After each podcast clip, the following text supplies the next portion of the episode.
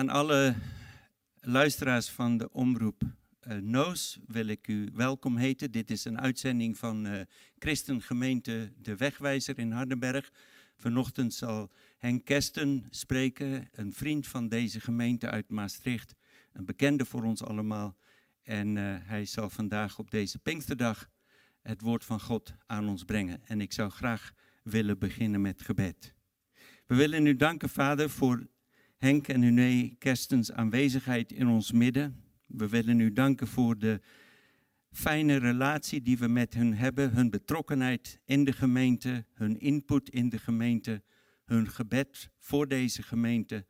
En uh, dank u wel dat ze dit weekend hier kunnen zijn en vanochtend het woord van God aan ons wil doorgeven.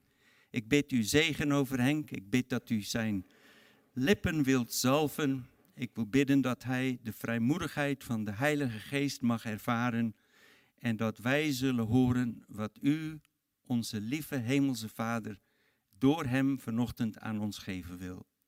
Wij vragen u ook ons te helpen te luisteren naar wat de Geest door Henk vanochtend tot ons zeggen wil. In Jezus' naam, amen. Amen. Dank je, Gert-Joop, voor het gebed. Uh, goedemorgen allemaal, ook iedereen thuis. Het is toch fijn om weer mensen te zien. het is uh, wat anders om altijd in de camera te staren. Niet zo lang geleden was ik ergens, geen mensen om me heen, maar een camera. Maar de camera stond, ik denk 60 meter bij me vandaan. Dus ik merkte dat ik heel erg hard begon te, te roepen omdat ik dacht, ze horen me niet goed, maar dat was dus niet waar. Um, we gaan uh, lezen uh, uit Handelingen 1 vanaf vers 12. Twee versen, of drie versen en dan naar Handelingen 2 vers 1. Dus Handelingen 1 uh, eh, vanaf vers 12. Toen, dat is direct na de hemelvaart van Jezus, keerden zij, dat is de discipelen, terug naar Jeruzalem van de berg genaamd de Olijfberg, die dicht bij Jeruzalem is. Een sabbatsreis daar vandaan. En toen zij in de stad gekomen waren, gingen zij naar de bovenzaal, waar zij verblijf hielden. Petrus en Johannes en Jacobus en Andreas, Filippus en Thomas, Bartholomeus en Matthäus, Jacobus de zoon van Alfeus, en Simon de Zeeloot en Judas, de zoon van Jacobus. Deze allen bleven eendrachtig volharden in het gebed. Met enige vrouwen en Maria, de moeder van Jezus, en met zijn broers. En dan zoeken ze eigenlijk iemand die de plaats voor Judas kon innemen als twaalfde apostel. En dan staat er in Handelingen 2, vers 1. En toen de Pinksterdag aanbrak, waren ze alle samen bijeen. En eensklaps kwam er uit de hemel een geluid als van een geweldige windvlaag en vulde het hele huis waar zij gezeten waren. En er vertoonde zich aan hen tongen als van vuur, die zich verdeelden en het zette zich op een ieder van hen. En ze werden alle vervuld met de Heilige Geest en begonnen met andere tongen of in klanktaal te spreken zoals de Geest het hun gaf uit te spreken. Uh, tot zover. Weet je, heel vaak als je, tenminste over de jaren heen, eh, met voorbereidingen op momenten als dit in het kalenderjaar van de kerk, kom je terug op ook op dit punt van handelingen en de Heilige Geest, de Pinksterdag. En dan is bij mij vaak het dilemma van waar ga ik het dan wel over hebben en waar niet. Wat en dan niet alleen omdat ik dat denk, maar gewoon je bidt en je bent aan het voorbereiden, je vraagt de Heilige Geest. En, en dan ook de gedachte, waar ga ik op in? Het onderwerp is eigenlijk zo breed, zo diep, zo rijk, maar ik denk ook zo belangrijk. Over de belofte van de geest, de gave van de geest, doop met de Heilige Geest, vervulling met de Heilige Geest. Hoe je het ook wilt omschrijven, want de Bijbel omschrijft al deze termen een beetje door elkaar heen. En vanochtend vanwege ons kalenderjaar, het is Pinksteren, dus we hebben het over de Heilige Geest. Nou, daar is op zich niets mis mee, maar vanochtend ervaar ik echt, het is zo tijdig. Het komt zo op het juiste moment. En niet omdat het het kalenderjaar is. Ik geloof dat het belangrijk is voor de kerk. Ik geloof dat het belangrijk is ook voor hier in de wegwijzer in Hardenberg. Weet je, we komen gaandeweg als kerk nu, over deze komende periode, steeds meer bij elkaar. We zijn aan het ontdekken weer wat het is om bij elkaar te komen. De momenten die komen dat de beperkingen meer en meer op de achtergrond raken. En voor sommige mensen geeft dat de behoefte of neiging of het gevoel dat we weer teruggaan naar hoe het was voordat COVID ons uh, raakte. Weer anderen onder ons hebben het absoluut in hun hart te zeggen: het is onmogelijk voor ons om terug te gaan naar hoe het was voor COVID. Er is zoveel veranderd, de kerk is veranderd, er is verandering nodig.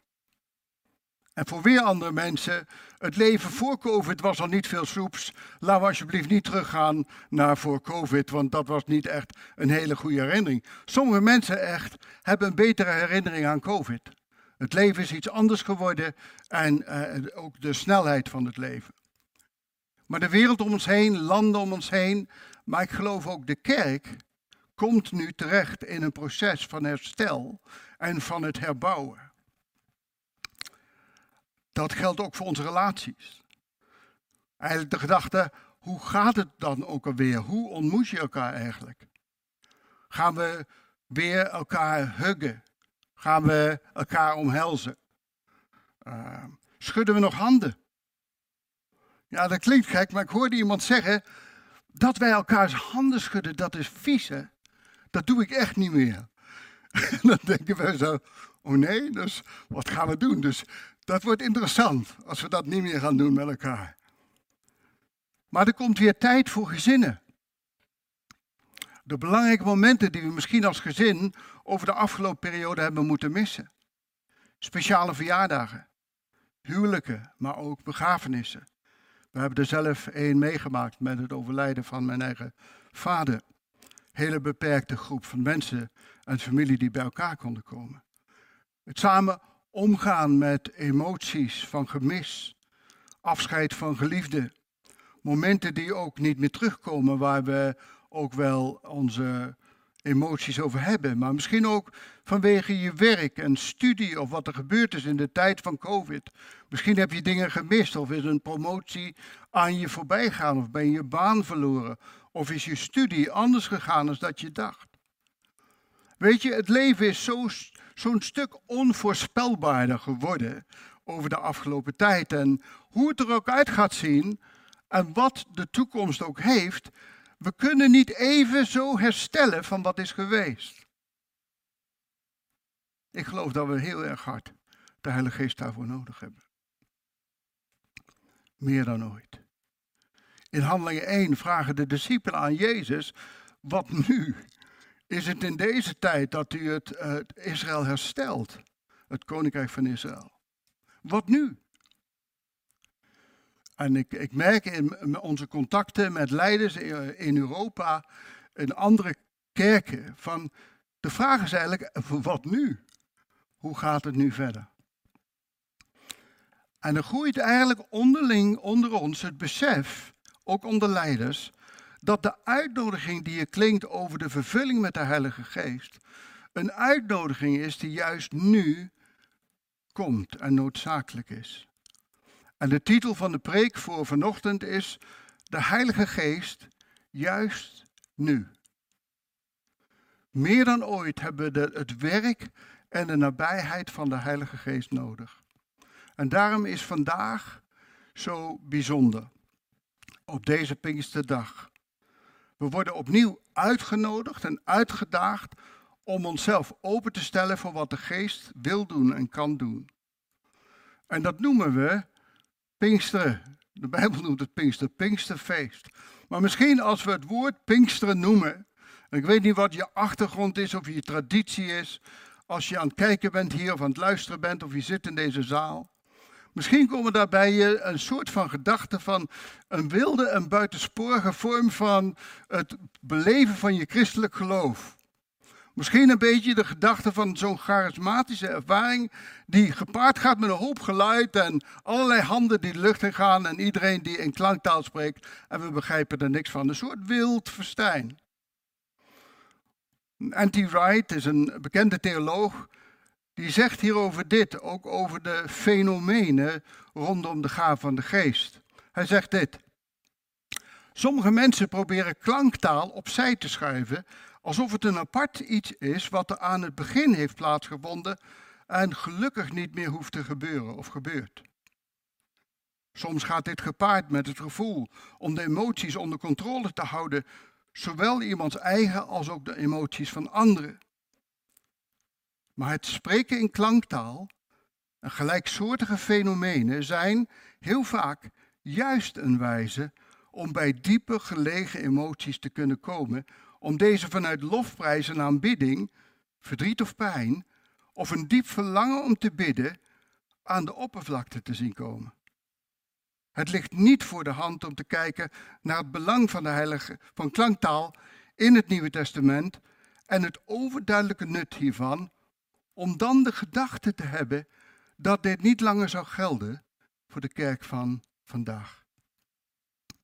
En dit zijn de woorden van een theoloog die nou niet heel erg bekend staat om zijn charismatische invloed. Maar dit is een man die eerlijk naar de schrift kijkt en zegt, dit is ook voor deze tijd. En voor ons als kerk, ook hier in Hardenberg, ligt hier de uitdaging. Weet je wat de uitdaging is? Om niet één keer per jaar maar herinnerd te worden dat de Heilige Geestig is. Niet één keer per jaar, omdat het Pinkster is, te denken aan het werk en de tegenwoordigheid van de Heilige Geest.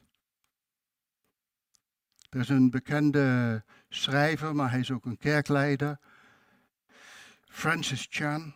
En hij zegt in zijn boek Vergeten God, met als subtitel Het terugdraaien van een droevige verwaarlozing van de Heilige Geest. Hij zegt dit.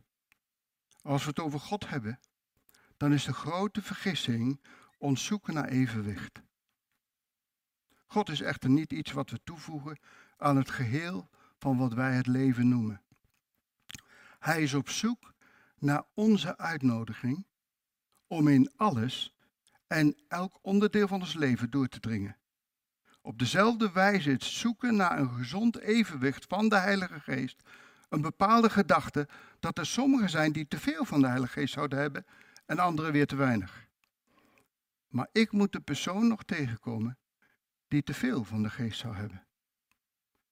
Daarentegen heb ik veel mensen ontmoet die het veel over de Heilige Geest hebben, maar eigenlijk nooit iemand die zich overvol voelde vanwege de tegenwoordigheid van de Heilige Geest. En ik geloof dat het belangrijk is voor ons om te blijven nadenken en spreken, ook met elkaar, over de Heilige Geest. Een aantal jaren geleden waren René en ik uitgenodigd om een half jaar in een kerk te zijn in Engeland. En elke keer als deze kerk op welke wijze dan ook bij elkaar kwam, welke groepen dan ook, of dat kleine groepen waren, of aanbiddingsgroepen, of er was altijd een moment om te spreken over de tegenwoordigheid en het werk van de Heilige Geest. De Heilige Geest was werkelijk een onderdeel van de kerk. En dat was te merken elke keer als de kerk bij elkaar kwam. En wat het tegen ons zei toen we daar vandaan kwamen was, weet je, de bewustwording over de Heilige Geest komt als we Hem betrekken in alles wat kerk is. En de aandacht van de Heilige Geest groeit als er een honger is en dorst naar meer van Hem. En uh, Gert Joop las uh, net aan het begin van de dienst over Johannes 7. Waar Jezus, daar staat dat Jezus staat daar op de grote en laatste dag van het feest. Nou, dat feest is waar, waar de, de priesters aankwamen met kruiken vol met water en dat goten ze uit rondom het altaar. En dat bleef maar doorgaan. Het was een moment eigenlijk om verlangend uit te zien naar de vervulling van de profetie in Ezekiel 47. Dat er een grote rivier zou gaan stromen vanuit Jeruzalem. En vanuit Jeruzalem de hele wereld zou beïnvloeden. Een rivier die gezond is. En overal waar het komt ook gezondheid brengt. En dan in Jeruzalem, daar op de grote dag van het feest, staat Jezus op. En er staat en roept met luide stem. En zijn hele boodschap bestaat maar uit 24 woorden in het Grieks.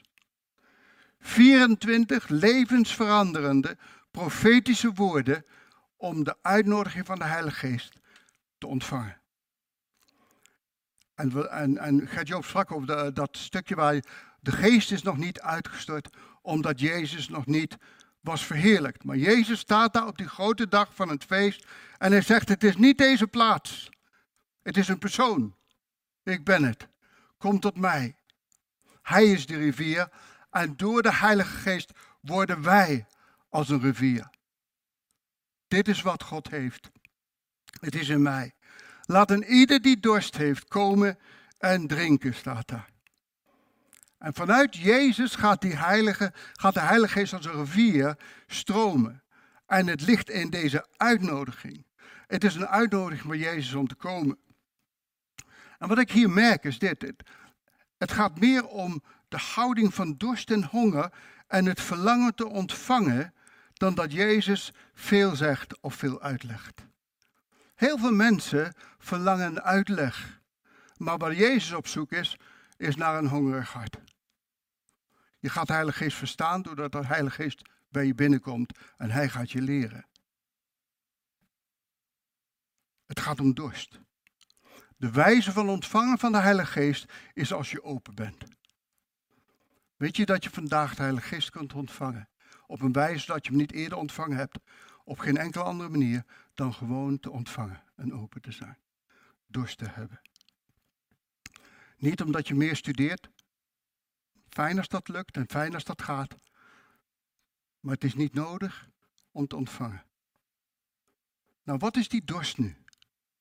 Wat is het nu om dorstig te zijn? Weet je wat dorst is, anders vertaald in het woord? Dorst is als je ergens merkt dat je gebedsleven opdroogt. Als dingen niet meer zijn zoals ze waren. Als je een beetje levenloos voelt. Als je je droog voelt van binnen. Dat is dorst hebben. Ik weet niet wat jullie is, maar ik ben vele keren dorstig omdat ik droog voel. Ik weet wat het is om te bidden, maar ik weet wat het ook is om niet de troon van God te raken. En ik voel me droog en dorstig en honger. Dat is dorst hebben. Dorst is merken dat je niet langer een verdieping hebt in je relatie met Jezus, maar de dingen een beetje blijven zoals ze zijn. Als de intimiteit met Jezus niet groeit in je leven, dan heb je de Heilige Geest nodig. Dat red je niet uit jezelf. Het is als je verlangt, als je een verlangen hebt naar de intimiteit met God en een dorst en een honger hebt om meer van Gods heiligheid te zien komen in je leven. Weet je, als je geen dorst meer hebt als christen, dan ben je eigenlijk heel erg arm.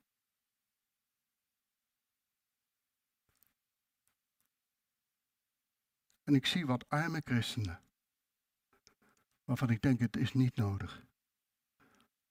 Eigenlijk soms denk ik, was je maar dorstig en honger. En soms denk ik, Henk, waar is je honger en dorst in je eigen leven? Ik preek niet naar jullie toe, ik heb dit verlangen. Weet je, ik ben. Goed, ik ken de, we kennen de Heer over, over 45 jaar. En toch, er blijft die, dat diepe verlangen naar meer van Hem. En Jezus roept hier en hij roept vandaag op deze Pinksterdag hier in Hardenbergen, waar deze video ook terechtkomt. Kom tot mij. Niet doordat je op een bepaalde plaats bent. Niet dat je eens per jaar herinnerd wordt aan deze Pinksterdag, maar doordat je naar Hem toe gaat. Die rivier stroomt vanuit het hart van Jezus nu. Door de Heilige Geest. En Hij is in staat om dit dode zeehart van binnen te vervullen en een rivier te laten stromen die gezond is voor mij en mijn omgeving en jouw omgeving. Weet je wat ik gemerkt heb? COVID is besmettelijk. Weet je wat ik ook gemerkt heb? Dorstige mensen zijn besmettelijker. Weet je wat besmettelijk is? Mensen om je heen die een dorst hebben naar meer van de Heer. Als ik iemand vol overgave en aanbidding zie staan, denk ik, wauw, Heer, geef mij meer daarvan. En Lucas hier aan het begin in Handelingen zegt, mijn belangrijkste reden dat ik mijn eerste boek schreef, zegt hij, is alles wat Jezus is begonnen en te doen en te onderwijzen. Dat wilde ik opschrijven. En dit tweede boek, zegt Lucas, Handelingen, gaat over alles wat Jezus is blijven doen en blijven onderwijzen. En wij noemen dit boek Handelingen van de Apostelen. Maar het is goed om in gedachten te houden dat het eigenlijk zijn de handelingen van Jezus door de Heilige Geest. En aan de ene kant is het natuurlijk het verhaal van het begin van de eerste kerk. Maar Lucas wil eigenlijk dat we dit hele boek lezen met in de achtergrond in onze gedachten, niet wij zijn de hoofdrol, Jezus is de hoofdrol. Hij heeft de hoofdrol hier. En de apostelen en de mensen om hen heen en de kerk, dat ieder wordt betrokken door het werk van de Heilige Geest in datgene wat Jezus aan het doen is. Wij worden deel van het verhaal doordat wij ons verbinden aan datgene wat de Heilige Geest wil doen. En door de Heilige Geest gaan we ontdekken dat we midden in het verhaal gaan staan dat God aan het schrijven is. We zijn deel geworden van zijn verhaal. Wij worden deel van zijn missie. Want het verhaal is nog niet af. Prijs de Heer ervoor. Hij heeft nog steeds een opdracht. Het verhaal van Jezus gaat ook verder hier in Hardenberg. En Lucas zegt, het begint hier. Het begint hier met de opstanding van Jezus. Weet je, als de Israëlieten eh, na de Exodus uit Egypte bij de berg Sinai aankomen, dan gaat Mozes de berg op en hij komt terug met de wet. En hier in Handelingen wordt Jezus aan het oog ontrokken omdat hij opvaart naar de hemel staat er. En wat Lucas wil dat wij begrijpen en God wil dat wij begrijpen, is dat Jezus niet terugkomt zoals Mozes terugkwam van de berg af. Jezus komt niet terug met een op wet geschreven, een wet geschreven op tafel van klei. Maar hij komt terug met de dynamische kracht van de Heilige Geest. Niet de wet, maar de genade van God. Een vervulde wet. Geschreven op de harten en bekrachtigd door de Heilige Geest. En Lucas zegt mensen, het begint hier. Dat nieuwe opstandingslichaam van Jezus is het begin van Gods nieuwe schepping. Niet de kerk, niet de eerste gemeente, maar Jezus zelf in zijn nieuwe opstandingslichaam laat zien de hemel op aarde. Hemel en aarde komen op een bijzondere wijze bij elkaar. Die fysieke, zichtbare wereld gaat op een dag zich helemaal thuis voelen bij Gods wereld, de hemel. Het is eigenlijk een prachtig vooruitzicht naar een nieuwe aarde. Lucas zegt dat is het eerste. Het begint bij het opstandingslichaam van Jezus. Zegt ten tweede is het door de tegenwoordigheid van de Heilige Geest.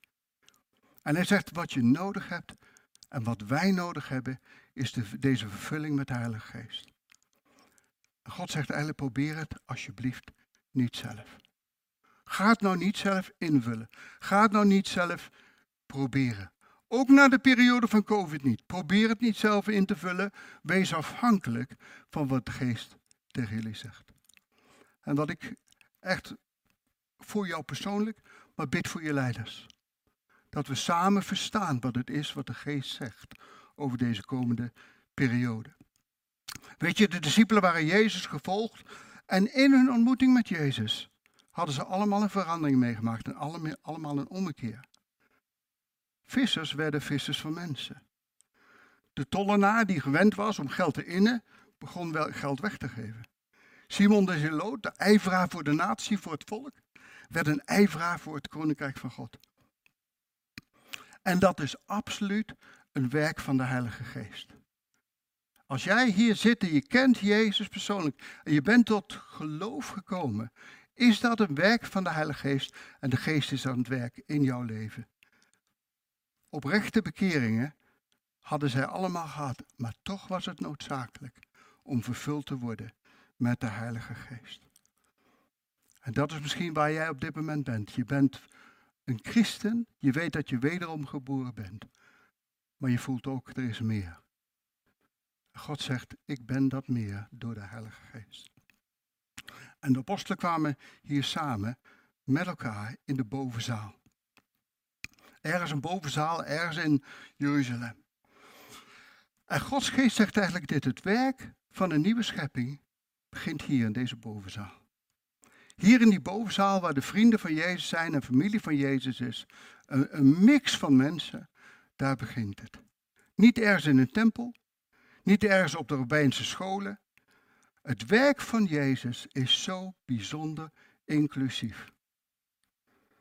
Geen enkele categorie is buitengesloten. Geen enkel geslacht is buitengesloten. Geen enkele leeftijd is buitengesloten. Alle sociale klassen, iedereen is welkom. De geest zal zich uitstorten op elke dienstknecht en dienstmaagd, wie het ook is. Maar Jezus had opgeroepen om te wachten. Nou, wij zijn mensen die graag actie ondernemen of actie verwachten. Eigenlijk de verwachting dat als er iets gezegd wordt, dan moet het ook wel gebeuren. Maar wat we hier zien is een onderbreking, een soort vertraging. En die periodes van onderbreken en van vertraging zijn de periodes waar we ook wel mee worstelen. Want het leven wordt er soms een beetje intenser van. COVID leek rustig, maar was best intens. Het is best intens. Het is zo'n periode van vertraging, maar het is allemaal niet zo gemakkelijk. En dat zijn vaak de momenten dat we voelen dat we zelf iets moeten doen of iets hadden moeten doen. En we willen iets doen. En nog belangrijker voor christenen vaak is we willen dat God er iets aan doet. Want wanneer God niets doet, dan voelen we dat we iets missen. Er is iets misgegaan als God niets doet. Als ik een werkelijke christen ben en we zijn een kerk die met Jezus, dan had er iets moeten gebeuren. Dan hadden we iets moeten horen of zien of doen. Deze tijden van vertraging of van onderbreking of van wachten zijn ook vaak voorbereidingstijden. Nou ja, dat klinkt heel mooi, maar voor soms, merken we dat, soms herkennen we dat en soms hebben we moeite mee om dat te herkennen of te zien.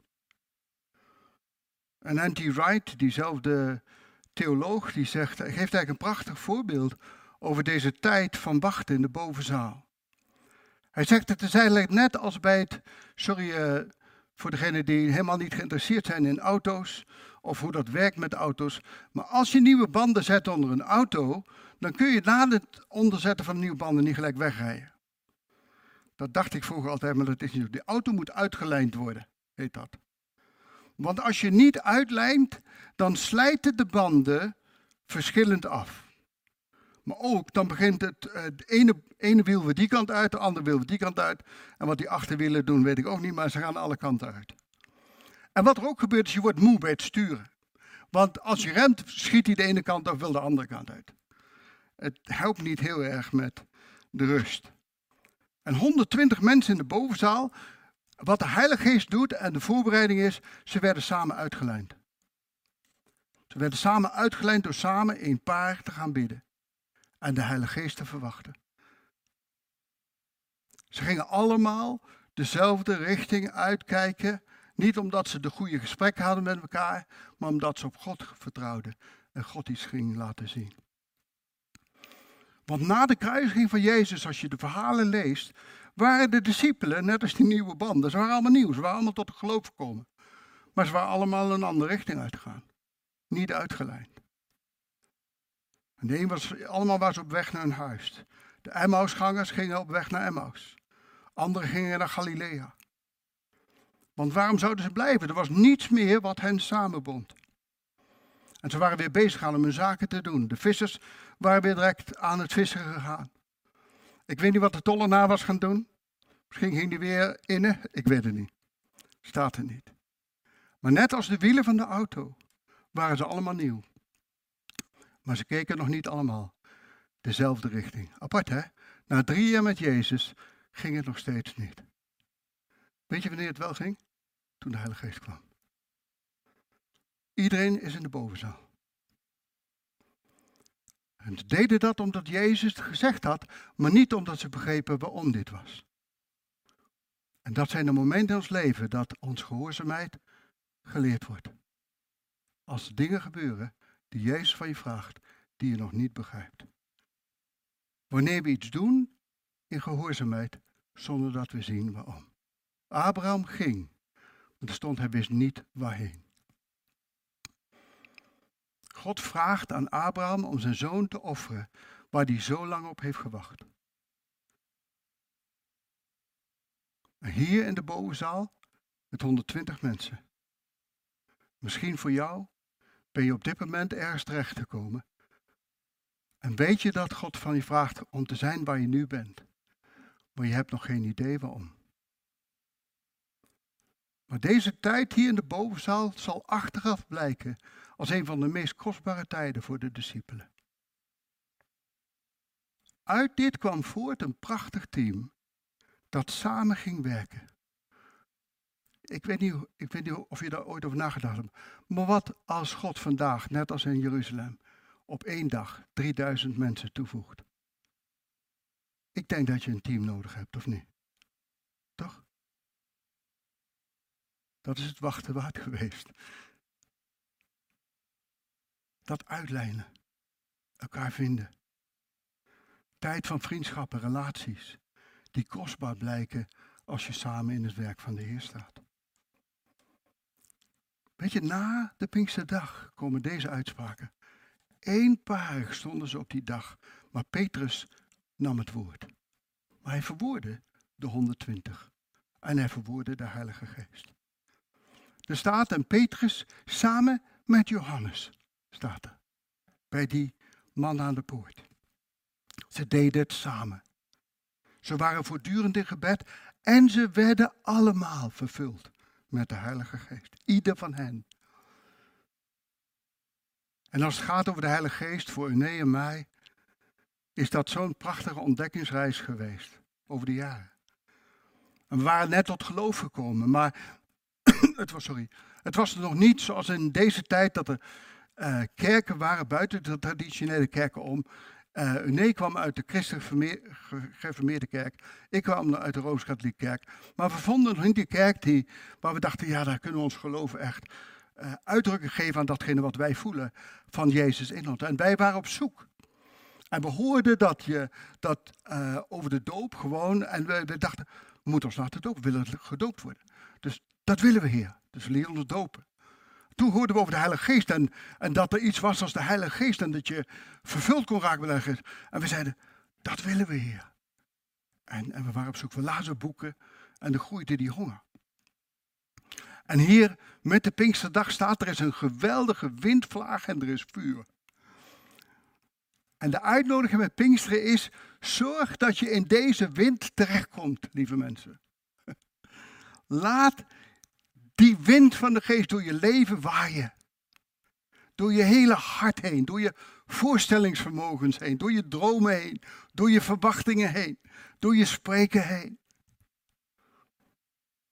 En weet je wat er voor nodig is?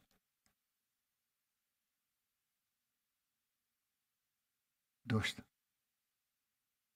Alleen maar dorst. Een paar weken geleden René en ik uitgenodigd. We doen Alpha in onze kerk. Onze Alpha-groep bestaat uit mensen van allerlei achtergronden en talen. En er zijn een aantal mensen uit China bij. En uh, een van hen heeft nog nooit de naam Jezus gehoord. Weet niet wat een Bijbel is. Heeft dat nog nooit gezien, nog gehoord. En is zo hongerig. Anders Chinees stel, net tot geloof komen. Nu uh, ging het over de Heilige Geest. En toen zeiden wij halverwege, wat een groepsgesprek. En zeiden, wat is er voor nodig? Alleen maar dorst. En waarop de Chinese man zei, alleen maar dorst. Hoef ik er echt helemaal niets voor te doen? Nee. Gewoon dorst. Als je wilt, kun je ontvangen. Sommigen op de Pinksterdag, toen ze deze mensen, die 120 zagen, toen het vuur kwam en de wind kwam, Toen was de opmerking, deze mensen zijn dronken. En toen dacht ik, wat zouden ze zeggen als ze ons vandaag hier tegenkwamen in Hardenberg? Ben je ooit zo aangeraakt geweest door de Heilige Geest? Zo gepassioneerd in je liefde voor Jezus dat je net als een David uit alle macht danst voor de Heer, voor de ark uit. En dat je absoluut niets kan schelen wat je omgeving van je vindt en denkt. Jaren geleden baden we met een voorganger van een gereformeerde kerk. Bij ons op kantoor, samen met wat anderen, een wethouder en anderen. Voor de vulling met de Heilige Geest, ze waren zo hongerig. En deze dominee, die werd zo door de geest vervuld dat hij begon in klanktaal te spreken. En hij rende het kantoor uit. Hij ging er weg. Uh, ik kwam hem uh, een dag later tegen. Ik zeg, hoe is het met je? Hij zegt, Henk, ik was zo vervuld met haar geest. Ik heb zo, ik kon nog alleen maar in klanktaal spreken. Ik kon niet eens meer de Nederlandse taal vinden. En ik was zo bang dat ik iemand uit de kerk zou ontmoeten die plotseling mij zou zien. Ik ben het bos ingevlucht en ik ben daar een paar uur blijven zitten. Maar hij zei, ik, kon, ik wist geen Nederlandse taal meer. Hij was zo vol. Maar weet je wat ik merkte aan hem? Hij had zo'n honger voor die tijd. Zo'n dorst. En ik weet nog een aantal jaar geleden, wij, uh, mijn broer was net in ons, een van onze ontmoetingen tot geloof gekomen, mijn jongere broer. En wij hadden een profeet, iemand met profetische uh, dienstvertoon uitgenodigd naar de kerk. En mijn broer had mijn ouders uitgenodigd naar de kerk. Mijn ouders zijn rooms-katholiek en, uh, en die zaten dus in de zaal. Dus, maar deze profeet. En er gebeurt van alles. Het was een beetje de Pinksterdag opnieuw. vuur, wind, van alles. jongelui werden aangeraakt. Nou, als je praat over orde, die was er niet. Er was geen orde. Er was heel veel activiteit, er gebeurde van alles. En ik stond daar met mijn handen in de lucht. En het enige waar ik kon denken, oh, mijn ouders, heer.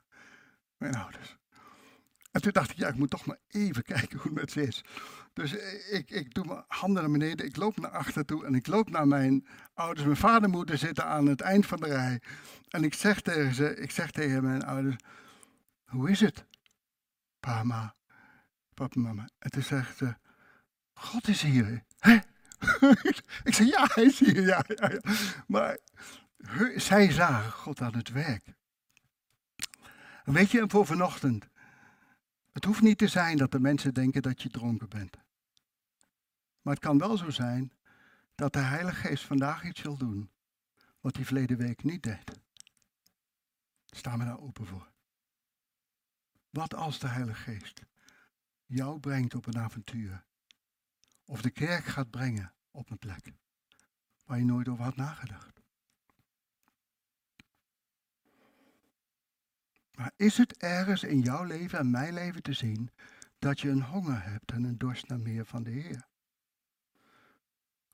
En als ik voor vanochtend een verlangen in gebed mag uitspreken, dan is dit mijn verlangen voor Hardenberg, voor jullie, voor, voor de kerk, voor de wegwijzer is dat God door de Heilige Geest en de Heilige Geest hongerige en dorstige harten zal vinden in deze plaats. Dat is mijn verlangen.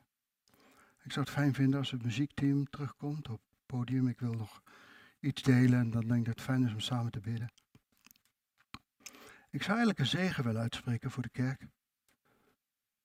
Een zegenend gebed. Ik wil eigenlijk dit zeggen. het onderwerp van vanochtend is veel meer dan een herinnering over Pinksteren. Een oprechte vraag naar jou toe is, en je hoeft geen enkel antwoord te geven, maar ik hoop dat je het meeneemt. Is er in jouw verlangen, is er in mijn verlangen, een verlangen naar meer? Weet je, de discipelen in de bovenzaal moesten wachten op de Heilige Geest. Nou, de Heilige Geest is uitgestort. Dat wachten hoeft niet meer. Dus waar wacht je op? Weet je, ik denk dat het andersom is nu. Wij zijn niet aan het wachten. God is aan het wachten. Francis Chan zei dit. Wat ik net las. Hij wacht op jouw uitnodiging om te komen. Als God ergens op aan het wachten is, is aan jou en mij te merken dat we een honger hebben naar Hem. En als je dorstig bent, kom dan tot Jezus en ga drinken bij Hem. Weet je wat drinken is? Gewoon nemen. Het open zijn naar de Heilige Geest is een simpel, heel erg simpel iets, heb ik altijd weer gemerkt. Is simpel mijn hart en mijn handen te openen en zeggen, Heilige Geest, wilt u komen alstublieft? Heer, vul me. Wat ik vaak doe in mijn eigen leven is, ik adem u in, o Geest van God. Mag uw adem mijn hart vullen. Mag uw adem mijn leven veranderen. Ik adem u in, zodat mijn ogen gezalfd zullen zijn en ik zal zien wat de Vader doet. Ik adem u in, o Geest van God, omdat ik zal horen met deze oren wat u te zeggen heeft. Ik adem u in, o Geest van God. Dat ik mijn handen op de zieken leg, ze gezond zullen worden. En deze handen tot zegen zullen zijn. En dan, ik bid die adem in over elk deel van mijn, van mijn leven. En dan vraagt de Heilige Geest om erin te komen. Als je dorstig bent, kom dan. Verwacht de Heilige Geest. Het tweede is, en dan sluit ik daarmee af, is er is een ander wachten. Een wachten op wat de Geest wil doen. Wees niet te snel in deze komende periode met het invullen wat jij denkt dat er zou moeten gebeuren. Pluk het niet overal vandaan van het internet en denk die zegt dit en die zegt dat. Er wordt zoveel gezegd op dit moment. Kom terug bij Jezus en bij de basis. Bid voor je leiders. Bid voor de oudsten. Dat ze samen met jullie. En misschien spreekt de Heer wel door jou heen. Tot de kerk. En tot het leiderschap. Maar wees open voor meer van de Heer. Vraag de Heilige Geest. Nodig hem uit. En verwacht zijn leiding. Ik wil graag een zegen bidden en dan geef ik het over terug. Maar misschien kunnen jullie even wat spelen. Dan, uh. Heer Jezus. Heer, we nodigen u uit.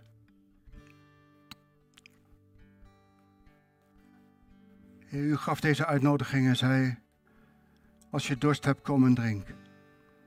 En je zult merken dat stromen van levend water uit je binnenste zullen vloeien. U zei toen de geest nog niet was gekomen als een profetisch heenwijzenaar. Maar dank u, geest van God, dat u bent gekomen. En ik wil graag deze kerk, de wegwijzer, ik wil jullie zegenen in de naam van Jezus. Ik wil je eigenlijk zegenen met een dorst die je niet hebt gekend van voorheen. Ik wil je zegenen met een honger en verlangen naar meer. Ik wil je eigenlijk zegenen met een verlangen naar de intimiteit met Jezus. Ik wil je zegenen met een diepere aanraking, een vernieuwing door de Heilige Geest. Ik wil deze zegen bidden over de wegwijzer. Dat de Heer altijd hongerige en dorstige harten zal vinden in jullie midden. Een diep verlangen dat er meer is dan wat we tot op de heden hebben meegemaakt. Ik bid dat er geen plek zal zijn van observeren en beoordelen. Maar een plek zal zijn van zwemmen in de rivier. Een plek zal zijn van niet alleen onze tenen nat hebben, maar ons hele hebben en houden over te geven in uw handen. Ik bid om veel wijsheid. Ik wil de oudste zegenen met wijsheid. Aanraking van de Heilige Geest. Maak uw plannen bekend, Heer. Vul ons hart opnieuw. En als je thuis bent en dit hoort, en stel je hart open, je handen open. En zeg, Heer, ik wil meer van u. Ik verlang naar meer van u. Als je dorstig bent, zeg tegen de geest van God. Geest van God, ik heb dorst, ik heb honger. Spreek het uit. Strek je uit. En word vervuld met de Heilige Geest. Waarheid, o Heer, alle liefde die ik heb, leg ik hier voor u neer. Ik geef alles op voor u en ook niets apart.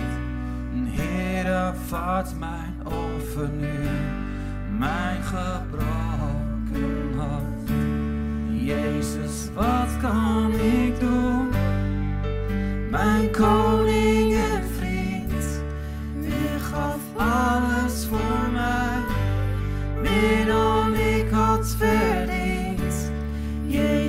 Jezus,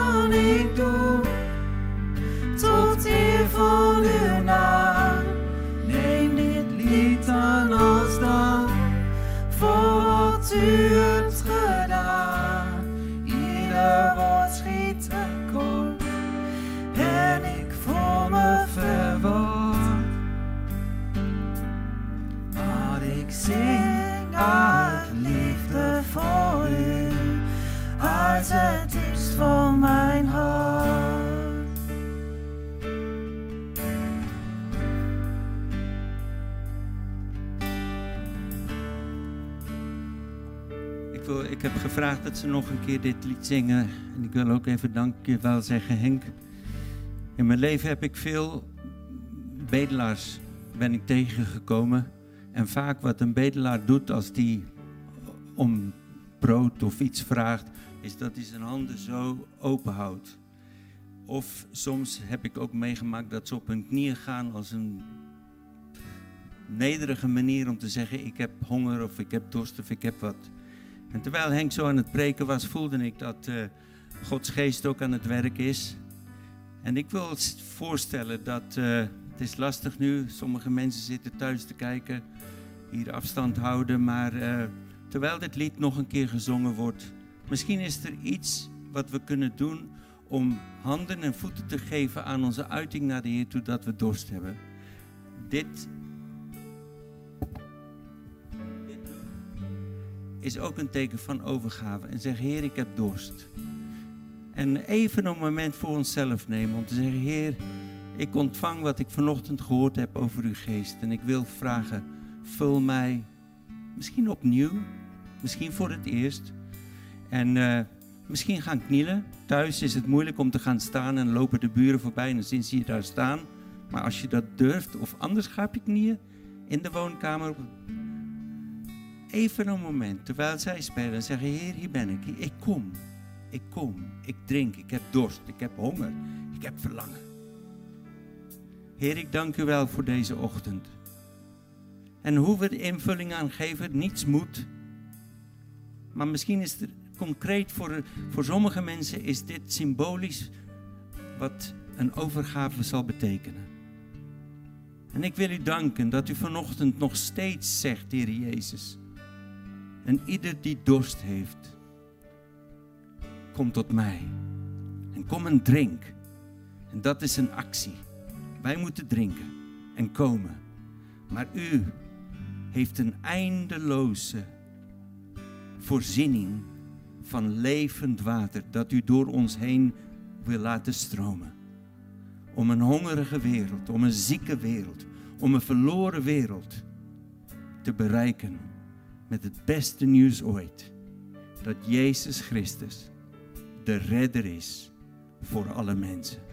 Dank u wel, Heer. En zoals we nu ons uitstrekken, op welke wijze we dat ook doen en aan u bekendmaken, weer eens, ik heb dorst.